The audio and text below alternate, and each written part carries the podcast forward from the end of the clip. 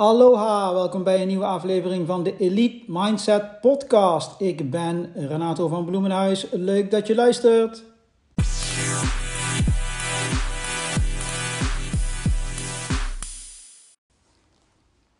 Deze podcast-aflevering is uh, een speciaal, is namelijk de, uh, het eerste interview wat ik af ga nemen met een, met een expert in een bepaald vakgebied.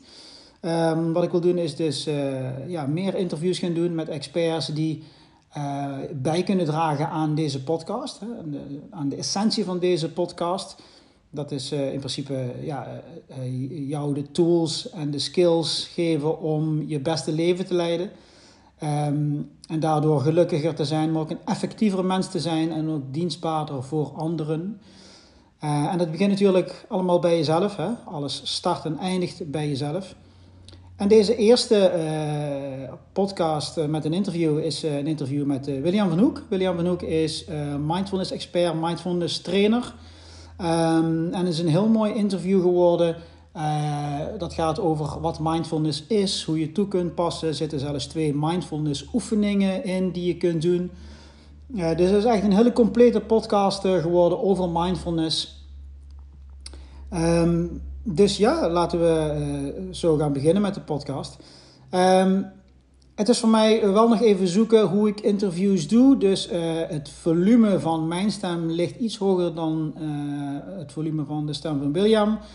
Um, ik, heb te kijken, ik heb gekeken of ik dat in een audioprogramma nog kon nabewerken, maar dat ging ook niet helemaal zoals ik wilde. Dus het is wat het is en dat is mooi. Hè? Dus dat is ook weer een hele mooie van mij. Hè? Ik ben best wel perfectionistisch, ehm, maar ik accepteer gewoon dat het dit is wat het is. dus ik steeds hartstikke goed te beluisteren en ik zou het je zeker aanraden om te beluisteren, want er zitten heel veel mooie inzichten in van nogmaals, een, een expert in zijn vakgebied, in dit geval William op het gebied van mindfulness. Um, dus ik op mijn plaats, uh, het gingen van allerlei dingen uh, uh, niet mis, maar niet volgens hetgene wat ik gepland had. Dus ik moest op een andere plaats gaan zitten. Je hoort ze nu en dan schuivende deuren. Dan vind ik eigenlijk ook weer allemaal mooi dat de, het maken van deze podcast voor mij ook weer een enorme les was. Zoals alles in het leven een les kan zijn en mag zijn als je het leven zo ziet als een grote, uh, een grote les en een grote verzameling van lessen die het leven jou voorschotelt. Maar goed, laten we beginnen met het interview met William van Hoek. Oké, okay, uh, ja, uh, lieve kijkers en luisteraars, dit is uh, een nieuwe aflevering van de Elite Mindset Podcast. Ja, ik ben Renato, mij kennen jullie al. En ik heb een geweldige gast, William. Um, ik ken William al een tijdje, maar we hebben een geen contact gehad. Dus William, ik wil jou graag uitnodigen om in het kort iets over jou te vertellen. Wat je doet en et cetera. Nou, helemaal goed. Dankjewel Renato.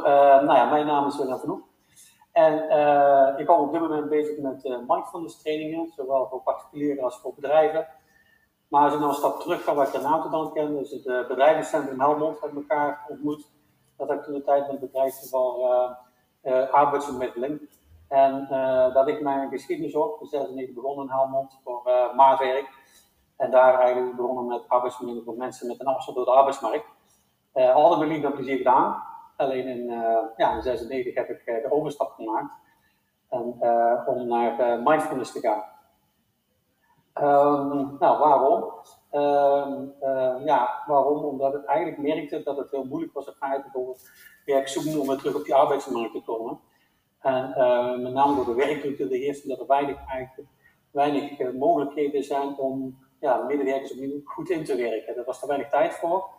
En ik merkte steeds meer de stress bij de mensen op. En toen ben ik eigenlijk op zoek gegaan naar een mogelijkheid van hoe kan ik er nu zorgen dat mensen eigenlijk keuzes maken vanuit hun zijn, in plaats vanuit angst of vanuit onzekerheid, of vanuit stress. En toen ben ik op zoek gegaan en uiteindelijk ben ik op, uh, heb ik een vijfdaagse training gegeven, AMA-training, alles met aandachttraining, waarin ik mensen bewust maak van angsten, onzekerheden, schuldgevoelens, schaamtes. En een onderdeel daarvan is, uh, was mindfulness, de MBSR-training, oftewel de Mindfulness-Based Stress Reduction. Uh, ontwikkeld eind jaren 70, in jaren 80, door uh, Jonker Batsen, Amerikaanse hoogleraar. En uh, gecertificeerd ervoor, dus de trainingsbond, de certificering voor de trainer. En vervolgens ook de Workplace Mindfulness Training gevolgd. Die speciaal gericht op bedrijven en organisaties in onze reststatistieke samenleving.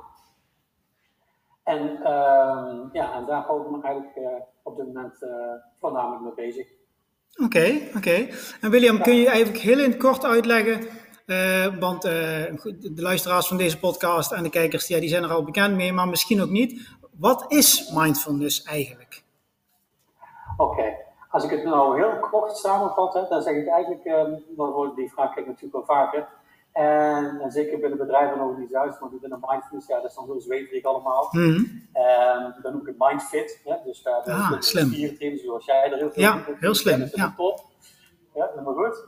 Uh, maar ik noem het dan mindfit, hè, want onze geest, dat doen we eigenlijk vrij weinig aan, omdat we constant in de hectiek en de stress zitten. Maar wat is mindfulness eigenlijk? Mindfulness is eigenlijk een, uh, ik noem het een communicatietraining. Je communiceert in eerste instantie met jezelf. Je wordt veel bewuster van...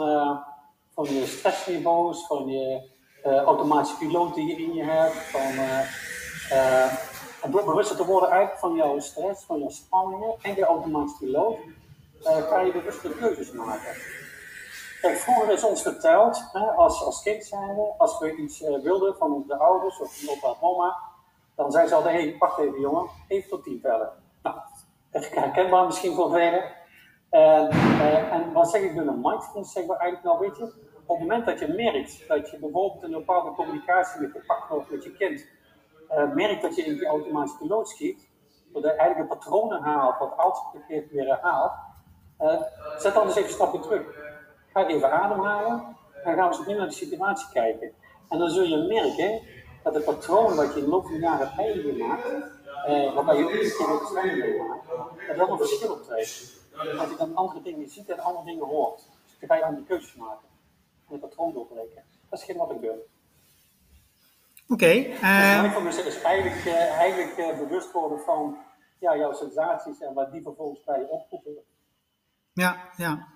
Oké. Okay. Um, en uh, is er een manier om, om ons, de luisteraar en mij, dat te laten meemaken? Heb je misschien een kleine oefening, William, om, om ons in ieder geval ehm, dichterbij te brengen van, van de essentie van wat het is?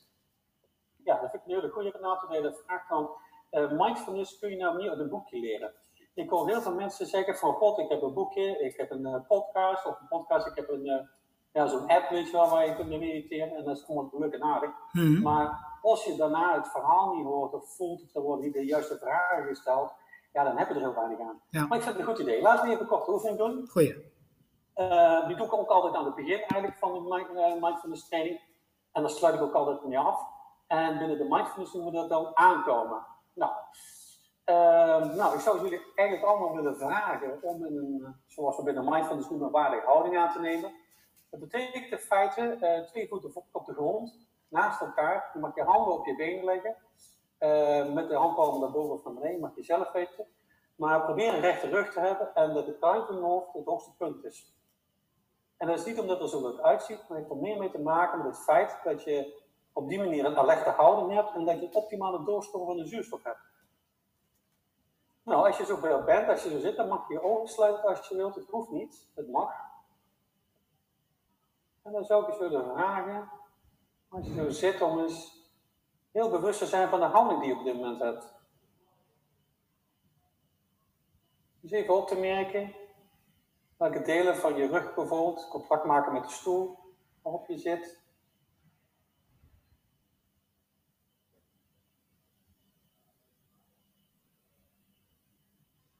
Ben ik eens bewust van je zitplatje, dat rust op de stoel. Misschien kun je gewaar worden van je zitpotjes.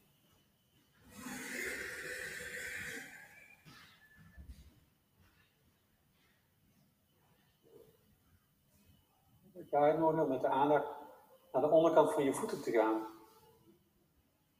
En dan even de onderkant van je voeten te scannen, vanaf je hak zo geleidelijk aan naar voren toe. Heel langzaam.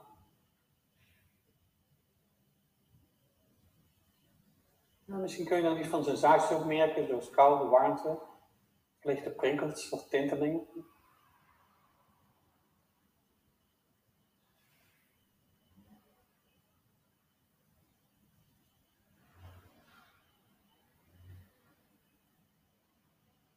Dan zou ik je willen uitnodigen om je aandacht te verleggen naar het volgen van je ademhaling. Ademhaling door je neus. Zonder ergens naar te streven of zonder je best te doen of extra diep te ademen. Enkel je adem observeer zoals deze langs je neusvleugels naar binnen stroomt. Door je keel gaat. Je longen zich vullen. Je middenrif naar beneden wordt geduwd en je buik naar voren.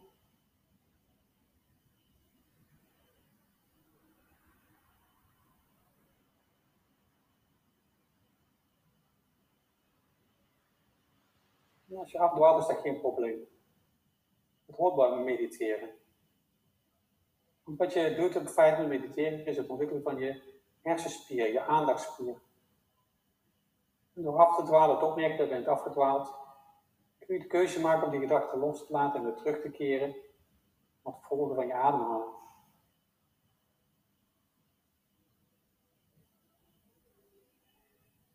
De inademing brengt de geest tot rust en de uitademing ontspant het lichaam.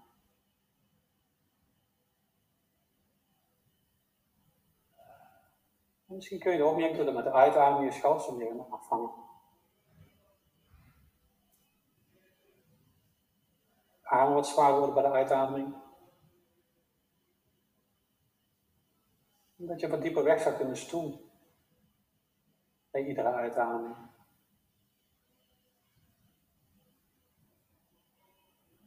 Misschien kun je beter je zitpotjes waarnemen.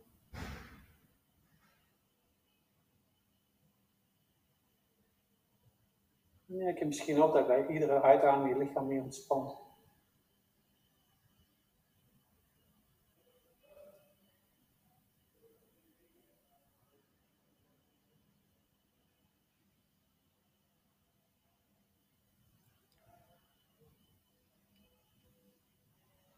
We zo meteen deze oefening beëindigen en dan kun je geleidelijk aan weer terugkomen door je ogen geleidelijk aan te openen.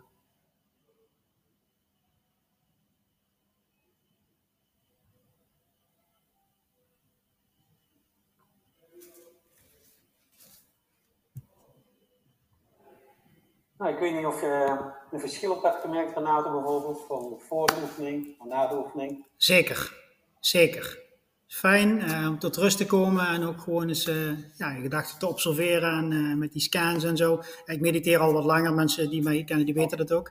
Dus ik vind het super fijn en ik, ik raad het ook altijd iedereen aan, William. Ja, kijk, weet je wat je doet in feite? Hè? En, we verkeren nu in een stressvolle wereld.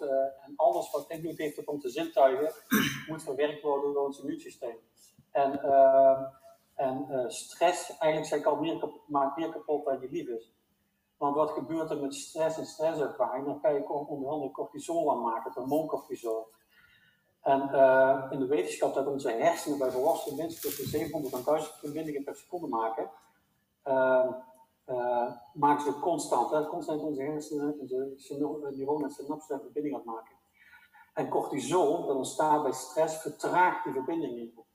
En als je iets langer doorgaat in die stressmodus, dan komen ze tot stilstand, dan ga je nog verder door, dan, ja, dan, dan, sterven ze af, oftewel, je komt in de burn-out terecht. Ja, ja. Nou, hoe merk je dat? Dat kun je bijvoorbeeld merken doordat je uh, s'morgens wakker wordt en dat je denkt, hm, heb ik eigenlijk al geslapen?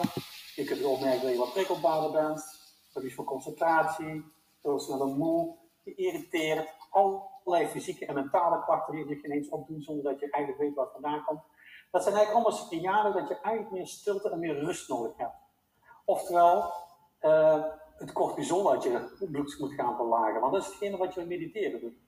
Doordat je gaat mediteren, gaat het cortisol uit je bloed, het verlaagt het in je bloed, waardoor die verbindingen weer tot stand komen. En dat is eigenlijk ook, uh, ik kan het helaas niet laten zien, maar uh, dankzij MRI-scans en EEG-scans kun je dus op een MRI-scan zien wat er gebeurt in feite voor een training en na een training. Je ziet bijvoorbeeld uh, de prefrontale cortex aan de voorkant van je hoofd, zie je vervolgens eigenlijk van het uh, echte gedeelte, het emotionele gedeelte, waar, ja, is dan groter zeg maar. En dat betekent eigenlijk meer ja, chaos, onrust, niet lekker voelen. En daarna verloop tijd zie je dat die prefrontale cortex meer verschuift naar links, naar de ratio. Hmm. Waardoor je dus in feite ook veel meer focus kunt hebben, een betere concentratie. En dat zijn ook allemaal kenmerken die zich ontwikkelen gedurende zo'n training. Hmm. Je vroeg me net aan het begin, wat is mindfulness? En toen zei ik dus tegen jou, het is eigenlijk een communicatietraining, want je communiceert met jezelf. Doordat je namelijk veel bewuster wordt van je angsten, onzekerheden, schuldgevoelens, uh, weet waar wat vandaan komt, maak je betere keuzes. Maar wat je met mindfulness eigenlijk doet, is eigenlijk je aandachtspiertraining, je focusspiertraining. En hoe langer en hoe vaker dat je het doet, des te meer ga je dus de prefrontale cortex, oftewel die grijze stof, in je prefrontale cortex ga je ontwikkelen. Aan de andere kant, in het emotionele gedeelte, bestaat waar de amygdala zit, waar de emotie zit, die grijze stof die vermindert. Dus met andere woorden, die komt door meditatie meer belangrijk. Je komt veel sterker op de grond te staan, je maakt veel betere keuzes voor jezelf, je weet veel beter waar je aan toe bent. Wil dat zeggen dat je nooit meer uit balans gaat? Jazeker wel. Alleen het verschil is dat je nu uit balans raakt en veel sneller weer terugkomt in een stabiele situatie. Waarbij je veel beter overzicht hebt van wat er eigenlijk om je heen gebeurt, waardoor je betere keuzes kunt maken. Ja, ja. En, dat is eigenlijk geen wat er gebeurt. Ja, en, en William, eh, wat ik altijd zeg, en ik, ik zou graag weten wat jij ervan vindt, maar ik denk dat ik het wel kan raden. Ik zeg altijd dat mindfulness is eigenlijk een, een groot onderdeel van, van, van vitaliteit, toch? Van, van het, het algehele vitaliteit, fysiek en mentaal, wat ik zie als één ding. Um, zou jij er iets meer over kunnen vertellen? Want mensen zeggen vaak, ja, het is een beetje zweverig, waar is het goed voor? Het is alleen maar om rustig te worden. En dan zeg ik altijd, nee, het is, het is niet om rustig te worden. Ik vind dat meer het, meer het wellness mediteren, maar het is meer, ja, het is eigenlijk een, een algemeen iets voor je, voor je, eigenlijk je hele vitaliteit. Wat, wat vind jij ervan, William? Oké, ehm, misschien kan ik het duidelijk maken. Als ik nu mijn hand zo zet, dat heb ik mm niet zien. Mhm. Maar als je je hand, eigenlijk als je een vuist met je hand, mhm. dan zie je op een gegeven moment zie je dus um, uh, stukken wit worden. Ja. En wat gebeurt er dan? Onttrek je bloed onttrek je daaraan. Dus dat is geen wat stress doet. Want stress, stress maakt dat je aanspant. En als je je lichaam aanspant, ja, dan kan er geen bloed doorstromen door die haarvaatjes te zijn. Dat betekent dus ook dat, die, uh, dat je die biljoenen cellen in je lichaam niet optimaal kunt voeden ah. met zuurstof, vitamine en mineralen. En mensen die kunnen, sommige mensen hebben dat bijvoorbeeld uh, kunnen opmerken, die knoppeltjes achter de rug. Hè? En, ja. Uh, ja. en dat betekent trapezius, dat je je schouderbladen voelt, ja. is eigenlijk een ophoping van, uh, van afvalstoffen. Ja. En die hopen zich op doordat je je vaak gespannen voelt. En we zijn er ons vaak niet bewust van, maar op het moment bijvoorbeeld als je, uh, we hebben natuurlijk ook korte oefeningen gedaan, en ik ben er bijna van overtuigd dat veel mensen ervaren hebben dat op het moment dat ze dus een feit dat ik zeg, goh, misschien voel je je schouders zakken bij de uitademing, dat ze daadwerkelijk wat zijn gaan zakken. Ja. Dus op het onbewust ga je in feite je schouders optrekken. Ja. dus als we het hebben over tips geven, hè, die zou ik graag weer willen geven, probeer eens vijf keer op een dag heel bewust vijf ademteugen te nemen. Hmm. Dat is niks. Dat is ja. Heel bewust je adem volgen, heel rustig en weer uitademen. En kijk eens wat een effect het heeft op jouw systeem. Op zo'n moment dat je dat heel kort even doet, ga je meteen de cortisol in je bloed verlagen. Dus ondanks dat je niet ervaart dat je stress hebt, hmm. heb je stress. dat is dan maar eenmaal zo. Ja, ja, en, ja. Ehm, ja, en als je dat voor jezelf doet, dan zul je merken dat eigenlijk ik noem het altijd vijf, uh, ja, voedselmoment is niet juist het woord, maar vijf momenten op een dag. Bijvoorbeeld uh, een tien uur pauze, twaalf uur pauze, drie uur pauze. Toen we eens even voor het eten gaan. En, uh, en wat ik eigenlijk wil adviseren ook altijd is, probeer het ook te doen voordat je gaat slapen. Hm. Als je in bed ligt, probeer eens vijf keer heel bewust je adem te volgen. En je zult merken dat je dieper wegzakt in de matras. Ja. Voordat je s'morgens je bed uitspringt, hè, als je dat al doet, dan zou ik ook willen adviseren, Volg vijf keer heel bewust je aanhalen. Want vaak zijn we voordat de wekker gaat, zijn we eigenlijk al alert. Hm. Dan zit ons hoofd op begint al oh, ik moet dat niet vergeten, want de boodschap, oh, de kinderen moeten straks naar school, oh, ik heb groot vergeten de vlies te halen. Allemaal dat soort dingen. Dus die stressfactor, die begint eigenlijk al voordat we onze ogen geopend hebben. Ja, ja. ja. En wat gebeurt er? dus, dus eigenlijk voordat we onze ogen openen, begint die stress al. En die loopt zich in de loop van de dag op, staat hij zich op. En s'avonds val je dan van vermoeidheid in slaap. En, uh, en dan word je s'morgens wakker. En dan heb je misschien wel eens een gevoel heb ik eigenlijk wel slapen? Hm. Het gaat dus om de kwaliteit van slaap. Wil je jouw kwaliteit van slaap optimaliseren, dan is het van belang dat je afschakelt. En dat afschakelen doe je door bijvoorbeeld door vijf keer heel bewust je aanhalen te worden. Dan zeg je tegen je systeem, hey, kom tot iets. Ja, ja. En voordat je als morgens je bed uitspringt, ook weer vijf keer heel bewust je En dan zul je merken dat je de dag heel anders begint. Ja, ja. En William, ehm, de, de, onze, mijn podcast en de, de mensen die uh, deze podcast volgen, die zijn heel erg bezig met persoonlijk leiderschap. Dus om jezelf beter te sturen in het leven. En een van de pijlers die ik dan altijd naar voren schuif, is mindfulness. Omdat ik vind dat als je werkt vanuit rust en, en, en overvloed, um, dat je gewoon betere keuzes kunt maken die vanuit jezelf komen en niet worden gedicteerd door de omgeving. Maar daarvoor denk ik, en ik zou jou graag weten hoe jij erover denkt, moet je ook beter jezelf kunnen gronden en vanuit een klein beetje afstand maken tussen stimulus en respons, om te kijken van wat wil ik gaan doen. En in mijn ogen is mindfulness daar een hele goede uh, ja, training als het ware voor. Zou, zou jij daar iets meer kunnen, over kunnen vertellen over de correlatie tussen die twee? Ja, kijk, weet je wat het is? Kijk, uh, het is wat grappig, hè? want ik uh, verzorg nou training bij BDO onder andere. Uh, we hadden de gasweer, de studenten tussen 18 en 25 jaar, hebben er over iets van geschrokken. Dat is nou de tweede keer dit jaar dat we eigenlijk een nieuwe groepen starten. Ik ben we geschrokken van de stress die jongeren al ervaren tussen 18 en 25 jaar. Maar terug naar leiderschap. Um, vaak doen we eigenlijk keuzes en maken we dingen en reageren we eigenlijk op de automatische piloot. En dan heb je in leiderschap precies hetzelfde. Hè? Op het moment dat je bijvoorbeeld met je collega of je uh, ergens op wil attenderen, dan ga je van tevoren een heel schaakspel spelen. Dan zeg je, oh, als hij dit zegt, dan doe ik dat, en dan zal hij hier mee komen en zus mee komen. Op dat moment ben je niet aan het waarnemen, kun je niet luisteren, want je zoekt een bevestiging voor hetgene wat je al in je hoofd hebt zitten. Op het moment dat je dat niet doet, en je kunt optimaal waarnemen van wat je zegt en wat je voor je hebt, en hoe de ander reageert, dan kun je veel betere keuzes maken, kun je veel beter sturen. Want vaak eigenlijk als je als een focus hebt, die trechter voor je hebt, van goh, hij zegt dit, dan doe ik dat, dan doe ik zus, dan kun je niet meer luisteren. Want mensen zeggen wel eens, oh ik kan heel goed luisteren, maar vaak is dat niet geval, want vaak zit het wel er zo. Ja, vaak willen ze zelf iets zeggen.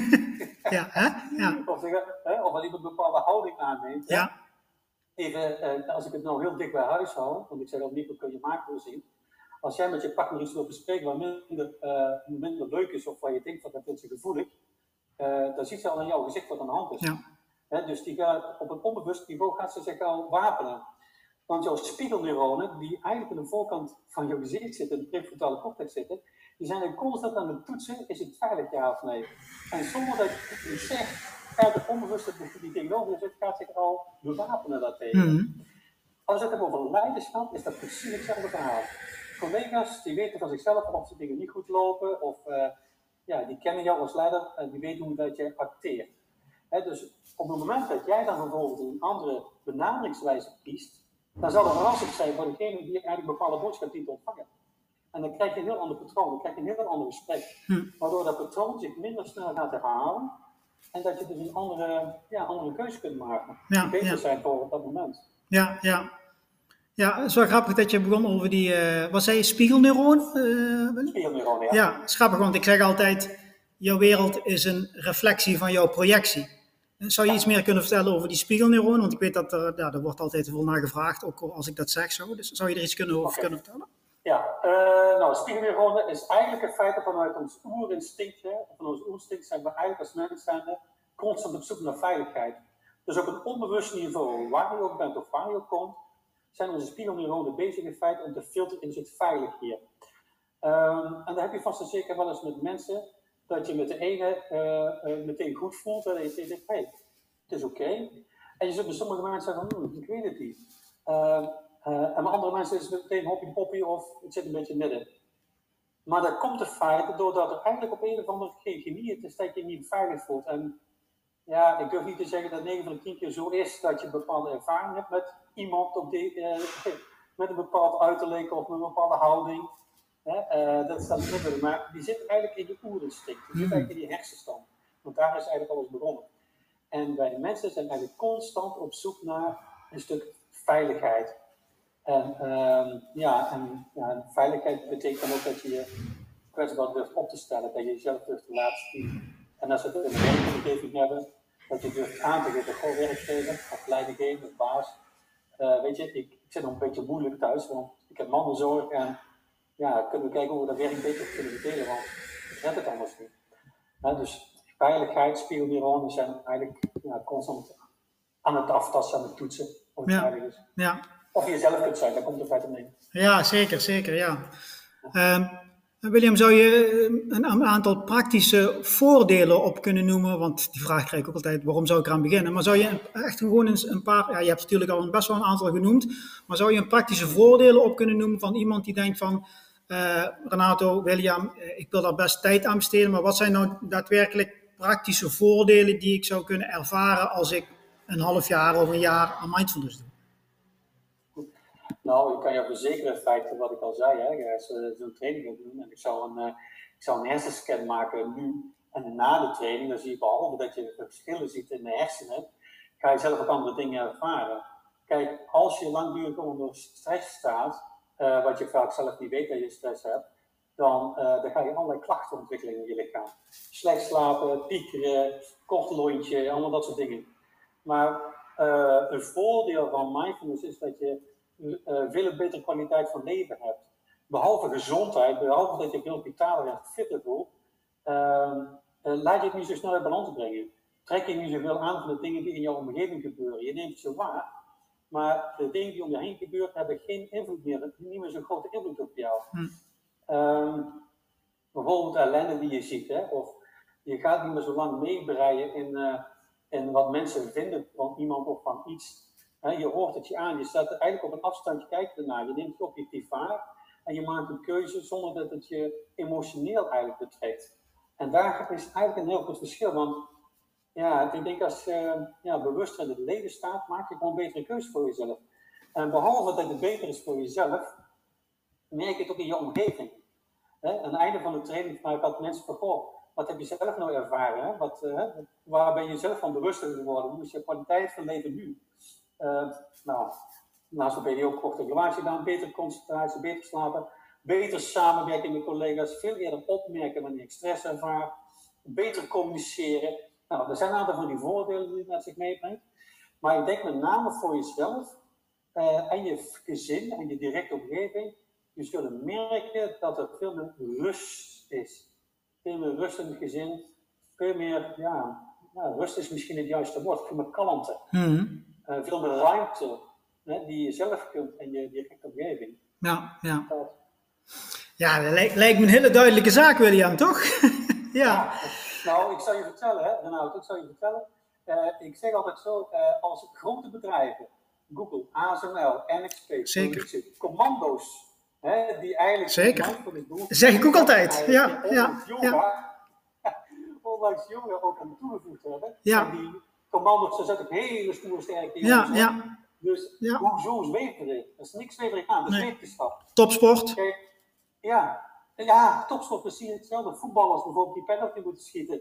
Hè, die dan aangeven van, goh, hè, dat gaat eens uit je hoofd. Ja. Want onze gedachten ja. bepalen onze gemoedstoestand. Ja. En op het moment dat je bewuster wordt van welke invloed gedachten op jou hebben, kun je daar een betere keuze Zeker. maken. Het algeheel welzijn van jezelf optimaliseren. Ja. Ja. Maar ja, goed, wat ik zei, ASML, NXP, uh, al die beroepen waar eigenlijk een split second bijvoorbeeld de keuze wordt gemaakt, of waar je eigenlijk van, ja, heel snel moet reageren, of waar veel spanning of stress is, als die mensen mindfulness hebben, nou, dan gaat het veel beter. Even een kort voorbeeldje. Uh, als je dus die commando's, waarom krijgen die zo'n training? Dat is niet omdat die jongens lekker rustig kunnen slapen, maar dat ze dus eigenlijk split second keuze moeten maken. En als je in een spannende omgeving zit in Afghanistan, of weet ik veel waar, dan wil je niet per ongeluk een kind doodschieten. Hè, dat om de hoek vallen. Maar dan wil je eigenlijk in een bewuste keuze kunnen maken. Hè, dan weet hey, trek ik die, haal ik de trekker over of niet? Dus door jouw systeem te kalmeren, tot rust te brengen, kun je veel betere keuzes maken voor jezelf. Ja, ja. En vermijd je allerlei ziekten en ongemakken. Zo geestelijk als lichamelijk. Ja, ik denk ook, zoals ik het altijd breng, is dat, dat high performance. En high performance is niet alleen een topatleet, maar dat kan ook gewoon het leiden van je gezin of uh, het maken van de juiste beslissingen begint intern. En dat manifesteer je extern. Maar veel mensen die, die willen van alles extern doen. Heb je, kom je vast ook wel eens tegen. Je wordt niet een betere mountainbiker door een carbon mountainbike fiets te kopen van 10.000 euro. Maar om te zorgen dat je goed kunt fietsen. En dat je rustig blijft en de betere beslissingen sneller kunt nemen. En vanuit rust werkt. En niet vanuit paniek, toch uh, William? Nee, zeker weten. Want ik heb, uh, ik heb bijvoorbeeld een een marathonloper heb ik gehad. En uh, die zat hier en, en, en hij zei, ah, tijd en zo. En toen heb ik hem gevraagd. Ik zei, weet je, Doe mij eens een plezier. Als je nou de volgende keer uh, weer gaat rennen, gaat oefenen, gaat lopen, probeer dan eens even niet op de tijd te letten. Probeer eens niet de afstand te letten die je afgezegd hebt. Maar probeer eens te letten hoe je je voet afwikkelt. Probeer eens op te merken hoe jouw spieren, welke spieren dat je aanspant en hoe je ademhaling is. Nou, die man die kwam terug en zei: God William, ik heb meer gelopen in een korte tijd. ja, geweldig. Dus ja, ik krijg er ook wel van als ik jou weer vertellen, Renato. Want het is, het is zo mooi op het moment dat je beseft van uh, uh, het bewustzijn beseft van: goh, ben ik nou lekker aan het lopen of ben ik mezelf aan het forceren om iets te bereiken? Ja. we, we, zeggen bij de mindfulness, een van de acapellas van mindfulness is: ben bewust van streven. Hm. dus op het moment dat je ergens streeft, dan heb je, geen, dan heb je wel eens wat focus, maar dan ben je zo gefixeerd op het stuk dat je eigenlijk niet meer voelt, niet meer waarneemt wat er is. Ja. Ja. En op het moment dat je zegt, ik heb een intentie, alleen aan de geboorte, intentie en streven of moeten maken een verschil in je hoofd. Ja. Je brein. En daar gaat het om. De intentie hebben om lekker te lopen op die 42 kilometer of die 50, weet ik hoeveel dat je op, om daarmee bezig te zijn. Ja, ja, en, uh, zeker. Dat maakt de wereld van verschil. Ja, en uh, ik denk dat het streven ook veel komt vanuit het uh, ego, William. Maar hoe denk jij daarover? Nou ja, goed, kijk, weet je, bij mensen, hè, wij zijn competitief ingesteld. Hè, dat doen we onbewust, want we willen als mensen zijn altijd ergens bij horen. Ja. Dus wij spiegelen ons vaak aan de mensen naast ons. En, uh, en dat begint eigenlijk al, dan gaat een heel stuk terug. dat begint eigenlijk al uh, ja, op de lagere school. En voor de lagere school speel je met allerlei met jongetjes, met meisjes, allerlei kleuren, maakt allemaal niet uit. Maar zodra we eigenlijk naar de basisschool gaan, dan beginnen we al te filteren we spelen niet meer met meisjes, meisjes spelen niet met jongens. En dan gaan we op een onbewust niveau gaan we, uh, ja, die veiligheid opzoeken. En ik gaan met vriendjes en vriendjes opzoeken die ons geen pijn doen. En, uh, maar dat wil niet zeggen dat dat goed is in eerste instantie. Want wat je doet, je neemt ook een norm en waarde over iemand. Dus op het moment dat je een bepaalde leven komt en je loopt vast in je leven, dan kan het zomaar zijn dat je eigenlijk een leven leidt dat niet voor jou is. Maar dat je hebt aangenomen om daarbij te horen. Um, ik heb eens een keer een vrouw gehad, Renato, die vrouw die had alles. Die zei, ik snap er niks van bij jou. Ik heb een leuke vent, ik heb leuke kinderen, ik heb geld genoeg, ik kan mijn vrienden aan Milaan boodschappen doen het vliegtuigje. Oei, oei. En kortom, had alles. Hè? Ja. En ik ben niet gelukkig. Leg mij dat uit. Nou, toen kwam ik met dit verhaal. En uh, uiteindelijk is ze zich bewust geworden van het feit dat al dat materiële spul om haar heen, dat ze eigenlijk het idee had van, wat maakt mij gelukkig? Want dat, dat heb ik geleerd van televisie, van de mensen om me heen. Maar uiteindelijk is ze zich bewust geworden van het feit dat het geluk in haar zit. Dat ze haar waarden moet gaan leven. En niet die van de buitenwereld. Ja. Ja, dus als je zegt van ja, ego, ja, zeker. Uh, en dat wil niet zeggen dat je tegen niemand moet doen, maar het gaat om dat je bewust bent van je keuzes. Ja. Als je bijvoorbeeld gaat eten, of als je gaat eten of je gaat douchen, dan hoe vaak hoor je zeggen, oh, even snel eten. Hm. Even snel even of even douchen. Hm. hey, ga nou eens voelen hoe die die stralen van de warme water op je lichaam gaan. Of als je koud met koud water. Als je eet, proef eens wat je eet. Kou eens wat je eet. Hè?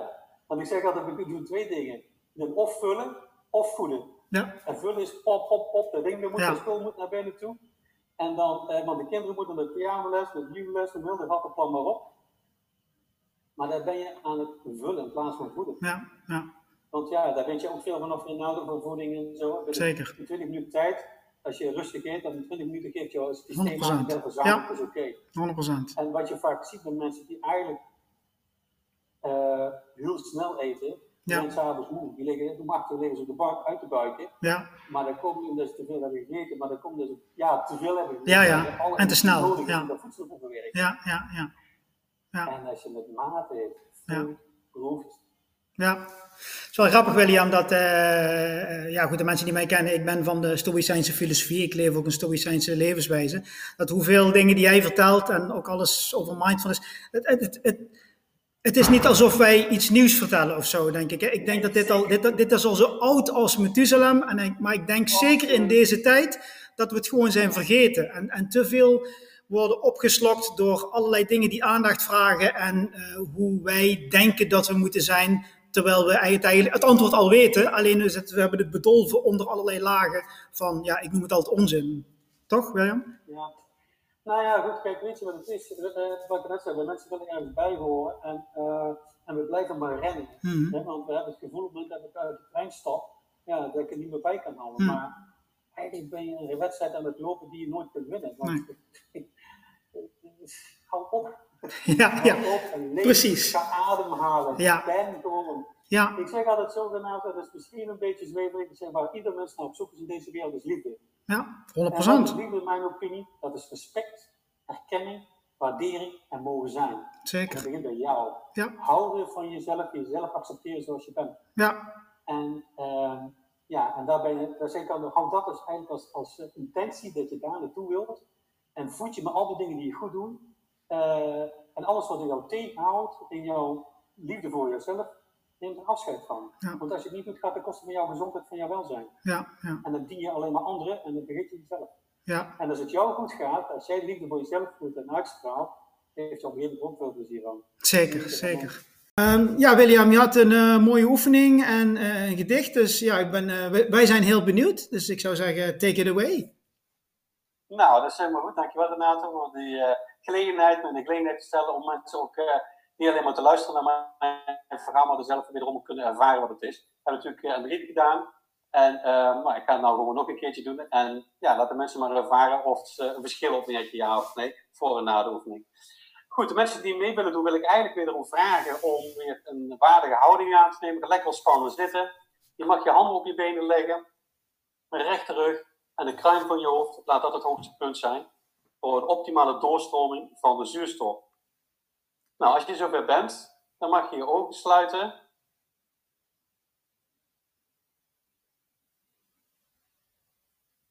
En Misschien gaan nu al allerlei gedachten door je hoofd heen. Van wat is dat raar of zo. Maar ik zou eens willen vragen om eens op te merken hoe je houding op dit moment is. Hoe de uitdrukking van je gelaat is. Misschien wat spanning opmerkt. Je voorhoofd misschien. Je kaak.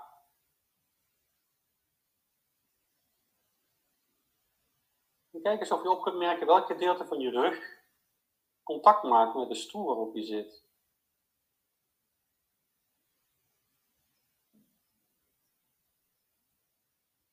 Misschien kun je zelfs het temperatuurverschil opmerken van het gedeelte waar je rug contact maakt met de stoel en het gedeelte wat geen contact maakt met de stoel.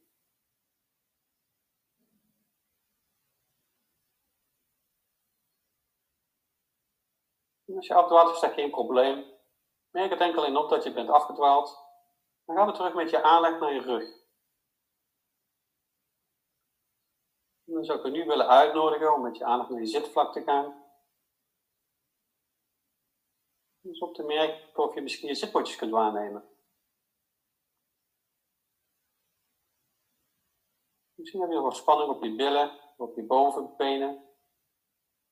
Je vast te houden. Laat maar gewoon los.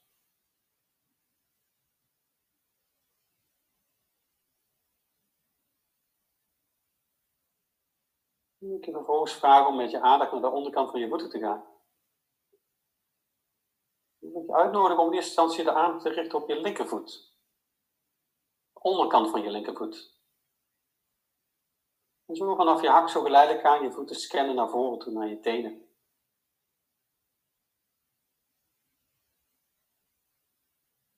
Eens of je druk kunt ervaren van de schoen die je aan hebt. Misschien een beetje knelt.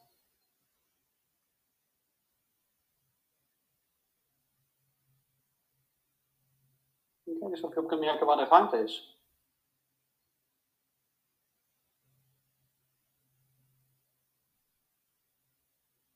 Dat wordt de vraag om iedere teen even afzonderlijk aandacht te geven. Te beginnen bij je grote teen. Misschien je dat je tenen contact maken met elkaar.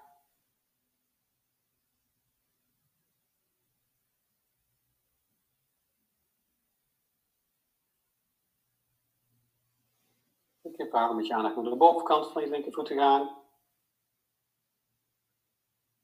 Je enkel. En je linkervoet als geheel. Misschien kun je eens van sensaties opmerken, zoals tintelingen, prikkels, koude of warmte.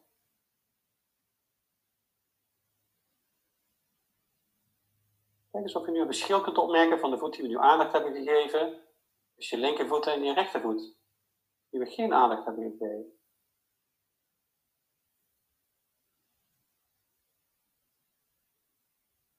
En dan wil ik je vervolgens uitnodigen om met aandacht naar je ademhaling te gaan. Op te merken hoe de zuurstof langs je neusvleugels naar binnen stroomt. Je keel gaat. Je longen zich vullen. Je middenrif naar beneden wordt geduwd en je buik naar voren.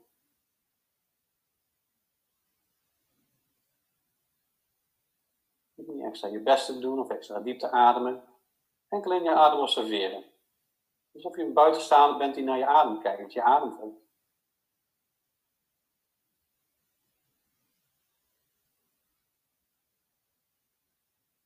Adem brengt de geest tot rust.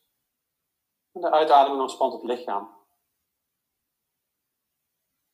En misschien kun je dat voelen doordat je bij de uitademing je schouders op je gaan afhangen.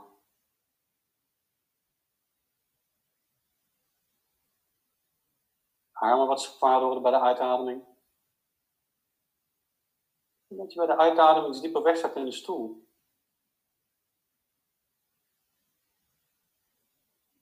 Bij de uitademing het lijkt of dat je met iedere uitademing zwaarder wordt.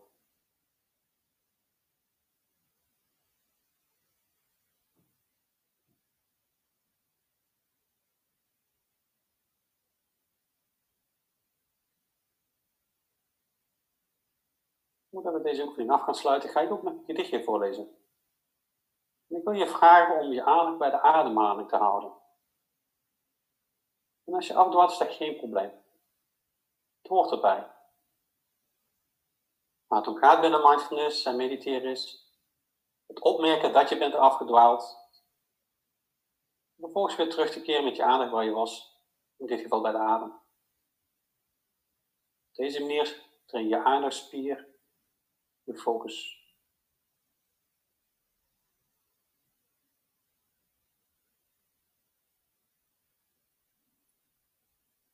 Het gedichtje wat jullie gaan voorlezen heet Als je blijft kijken.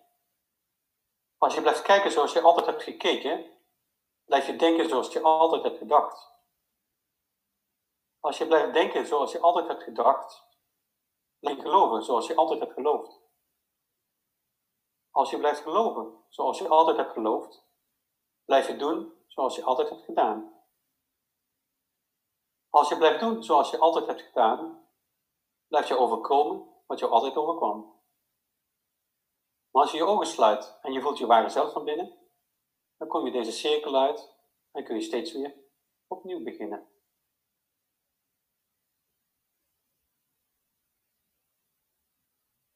Als je wil, dan kun je niet op je eigen tempo, in je eigen snelheid weer terugkomen naar de ruimte waarin je bent. Door geleidelijk aan je ogen te openen. Neem de tijd om je ogen te openen.